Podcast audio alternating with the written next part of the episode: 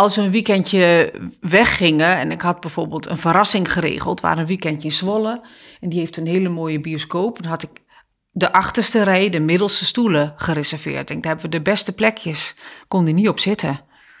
En toen is die dus gaan staan. Gelukkig kon dat, omdat je op de achterste rij zit. Maar toen dacht ik wel, man, doe het dan één keer voor mij. Ga gewoon zitten en kijk naar die film. Dus dan, dan ben ik ook aan mijn grens. Je kan eigenlijk niks meer spontaan doen. En dan zegt hij: Je moet eens weten hoe vaak ik al dingen voor jou doe, waar je niet eens in de gaten hebt. Dat is wel heel confronterend.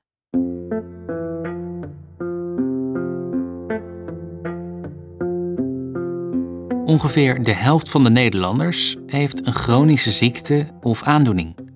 En een deel daarvan heeft ook kinderen en een partner. Hoe is het om die partner te zijn? Dus om in een gezin samen te zijn met iemand die chronisch ziek is. Op welke manier beïnvloedt dat je leven? Wat is de impact op het ouderschap en de relatie? Dat en meer onderzoek ik in het vierde seizoen van deze podcastserie. Niet alleen ziek. Eerder interviewde ik chronisch zieke moeders en vaders en kinderen met een chronisch zieke ouder. Nu praat ik vier afleveringen lang met Carina, Inja en Koos. Ik ben Maarten Dallinga en maak deze podcast voor Stichting BNP. Aflevering 1. Aanpassen. Hij heeft wel altijd een positieve insteek. Nog steeds. Ja. Ja, ondanks de ziekte is het toch nog steeds dat hij dat kan. En dat hij heel erg ook zoiets heeft van... ehm, nou, het kan altijd erger. Je hoorde Inja. Ik spreek dit seizoen met haar, met Koos Ja, ik heb dat ook al als, als heel normaal geaccepteerd. Dus je, je, je gaat je leven gewoon een beetje eh, anders inrichten. Christel is niet de ziekte. Christel is Christel. En er zijn wat dingen waar we gewoon samen rekening mee houden. en ik spreek met Carina. Je hoorde haar al even aan het begin van deze aflevering. Ik ben eh, Carina Rook, ik ben 49 jaar. Eh, ik woon hier samen met, eh, met Koert. Koert kan je kennen uit seizoen 2. Ik sprak toen met chronisch zieke vaders. En drie eigen kinderen. En we hebben twee grote pleegjongens. Die, zijn, eh, die hebben nooit echt bij ons gewoond. Dat was eh, een pleeggezin eh, voor de weekends. Maar die jongens zijn nu 26 en 22. En onze eigen kinderen zijn 15, 12, bijna 13 en 10. Koert kampt met chronische pijn door een aandoening in zijn rug. Nou, toen bleek dat hij weer hernia had. Toen dacht hij, nou, opereren die hap. Dat heb ik op mijn achttiende gedaan. Nou, 20 jaar verder. Als we dan weer 20 jaar verder kunnen, niks aan de hand.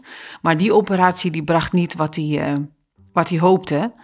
En toen volgden er nog meer operaties. Een, eh, een neurostimulator voor, voor zenuwstootjes om zo'n zenuw tot rust te brengen. Bracht ook geen soelaas. Zijn rug is vastgezet. Eh, er zijn allerlei onderzoeken en behandelingen geweest. En eigenlijk heeft niks heeft iets opgeleverd. Terwijl iedere arts waar je kwam zei: Ik heb voor jou de oplossing. Straks meer van Carina. Nu naar Koos. 15 jaar terug was het Christel. En nu is het nog steeds Christel. Alleen zijn er wat dingen bijgekomen waar we samen mee moeten leren dealen. En Christel nog meer dan ik. En ja, het is de whole package, hè? Koos is de partner van Christel. Haar ken je misschien nog uit seizoen 1. We zijn in, eh, in Hoeflaken, in de gemeente Nijkerk. Je zit hier bij mij, bij eh, Koos Claudemans, 57 jaar. Eh, ik heb ook nog twee dochters. Ehm, de foto's hangen aan de muur.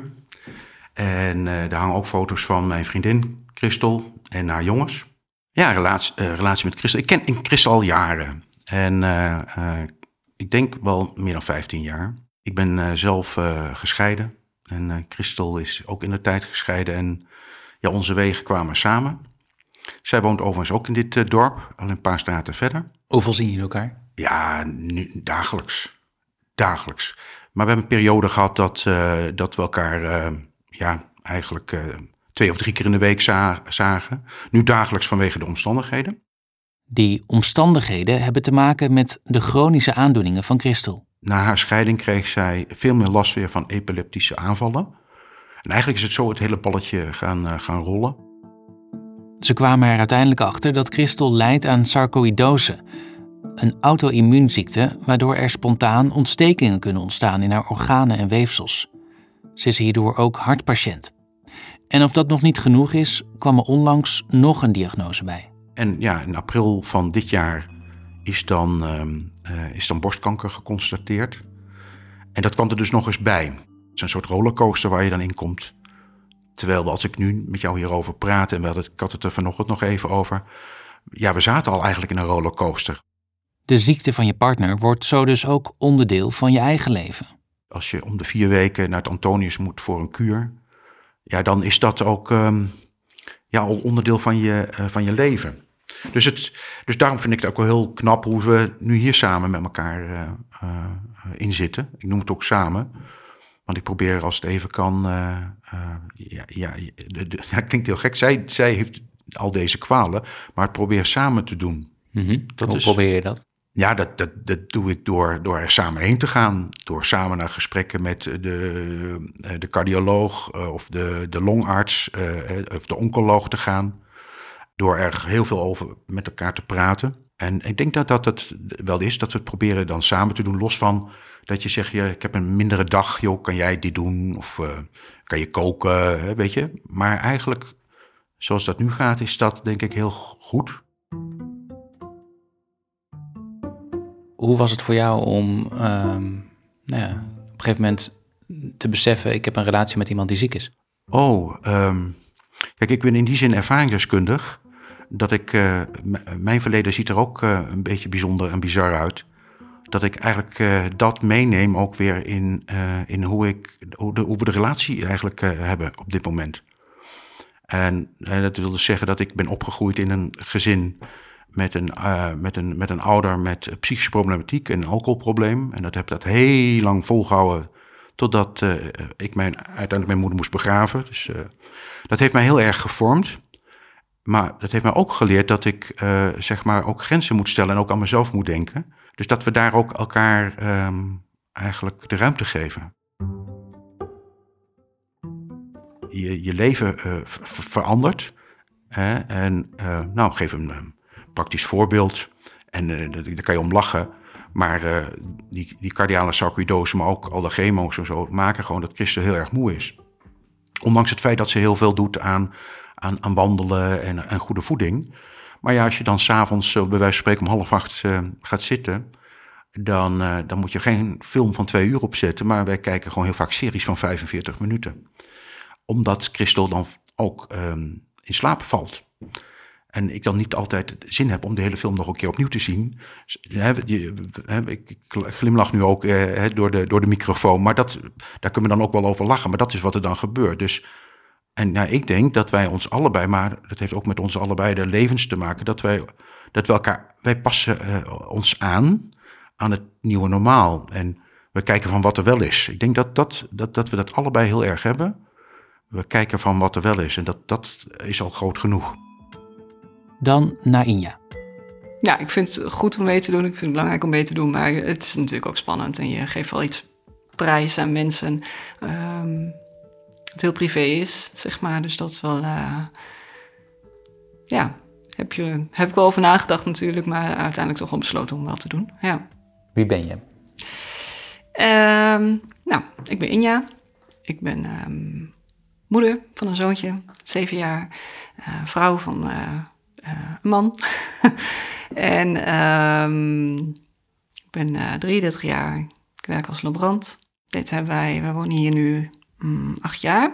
En ehm, ja, het is, het is een hele fijne, warme plek waar ook veel gebeurd is, maar ook wel ehm, veel mooie herinneringen zijn. Een zoontje is hier geboren, of nou niet hier, maar eh, is geboren eh, toen we in dit huis woonden. En eh, ja, fijne warme buurt, fijne mensen om ons heen. En ja, er wordt naar ons omgekeken en dat is fijn. In 2013 zijn we getrouwd. Ja, in 2015 kwam eh, ons zoontje, Levi. Hoe lang ken je Chris al en waar heb je hem ontmoet? Ik heb hem eh, ontmoet via internet. via destijds eh, de website chatten.nl. Oh ja, dat is een website. Dat was een website en er zaten chatboxen destijds nog. En, eh, Over welk jaar spreken we? Eh, twee, eh, 2007. Ja, dus we zijn al eh 15, 16 jaar samen. Eh, 15, ja. Een aantal jaar geleden kwam de ziekte van haar man aan het licht. In januari 2019 kreeg, uh, kreeg Chris s'nachts een uh, insult, een e-, epileptisch insult, uh, een aanval. En toen ja, zijn ze gekomen en, en, toen zijn we naar het ziekenhuis gegaan. Er wordt een hersentumor geconstateerd. Qua hersentumoren op zich wel de meest gunstige variant die je kunt hebben als volwassene. langzaam groeiend. En um, wat ook maakt dat hij een relatief lange levensverwachting heeft van 10 tot 15 jaar. Uh, maar goed, voor een jong gezin is 10 tot 15 jaar natuurlijk niet zoveel. Maar, um, ja. Hoe oud is Chris nu? Uh, Chris is 44. Ja. Dus, ja. Ik stond in eerste instantie alleen maar in de adrenaline en in de regelmodus en in de...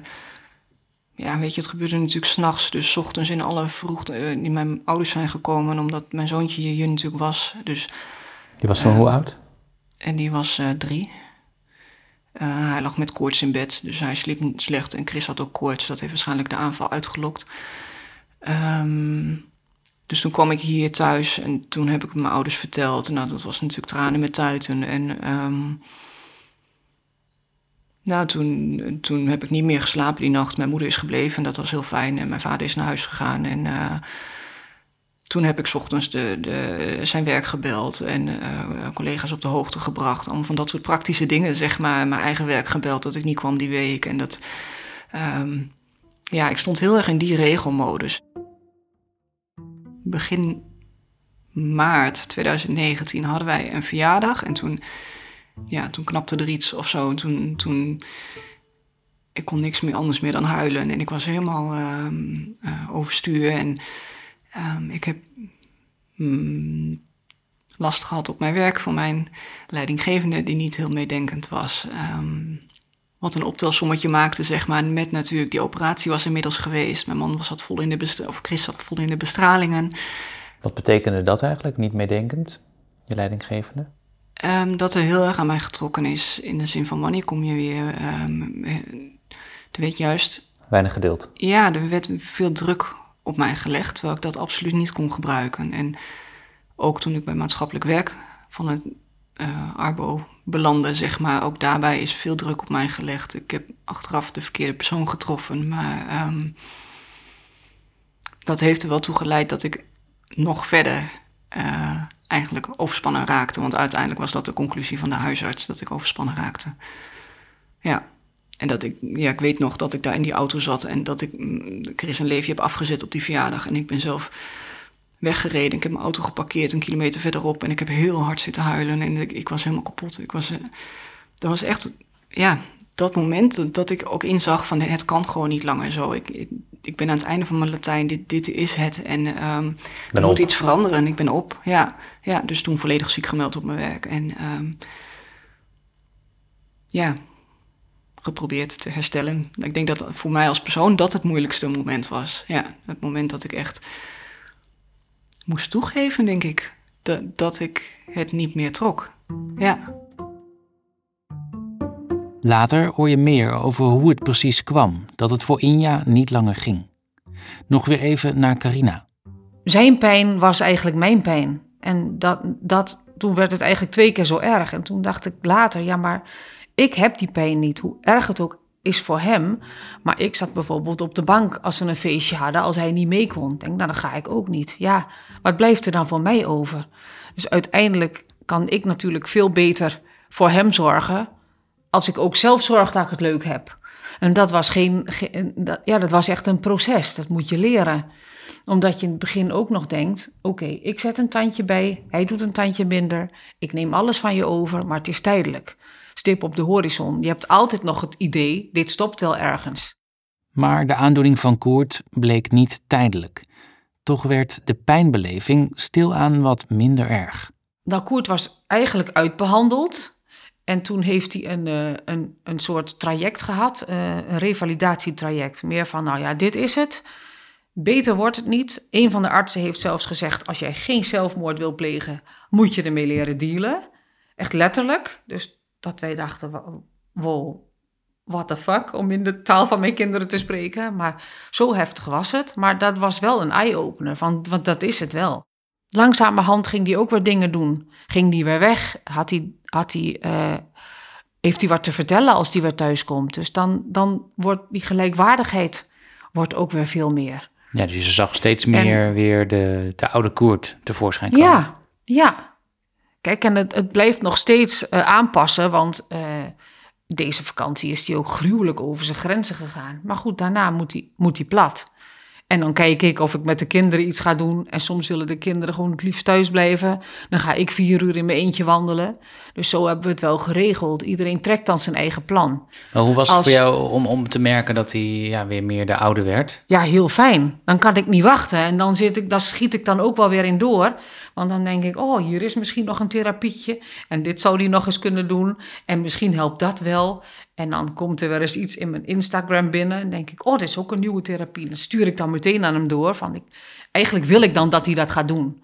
Eigenlijk geef ik hem dan geen keus van, joh, dit is iets. Kijk wat je ermee wil. Eigenlijk push ik hem dan een beetje van, uh, ga dat nou maar doen. Want baat het niet, dan schaadt het niet. Waarom doe je dat? Omdat ik hem zo gun dat hij pijnvrij is. En dat hij net zo, nou ja, onuitputtelijke energie heeft als ik. En dat als je een hele dag in die hitte in Marokko loopt, dat je nog nergens last van hebt. Heb je dan, meer, heb je dan meer hoop daarop uh, dan, dan Koert zelf? Dat ja, nou, meer hoop daarop. Uh, misschien hebben we allebei wel meer hoop, maar Koert heeft meer berusting dat het niet beter wordt. En dat kan ik nog niet.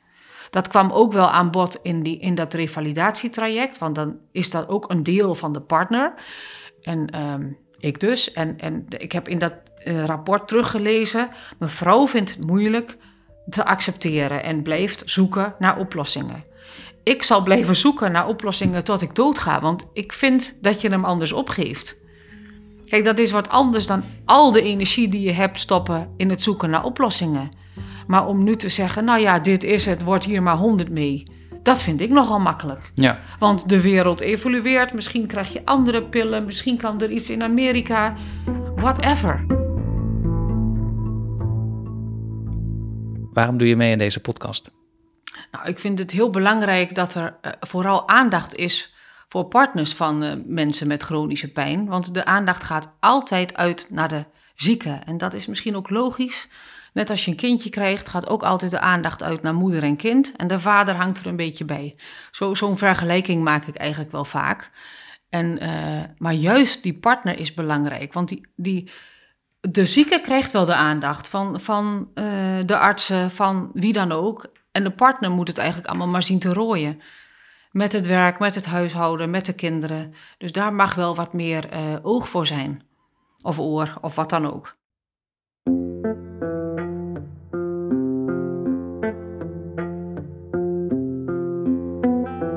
Je luisterde naar de eerste aflevering van het vierde seizoen van Niet Alleen Ziek.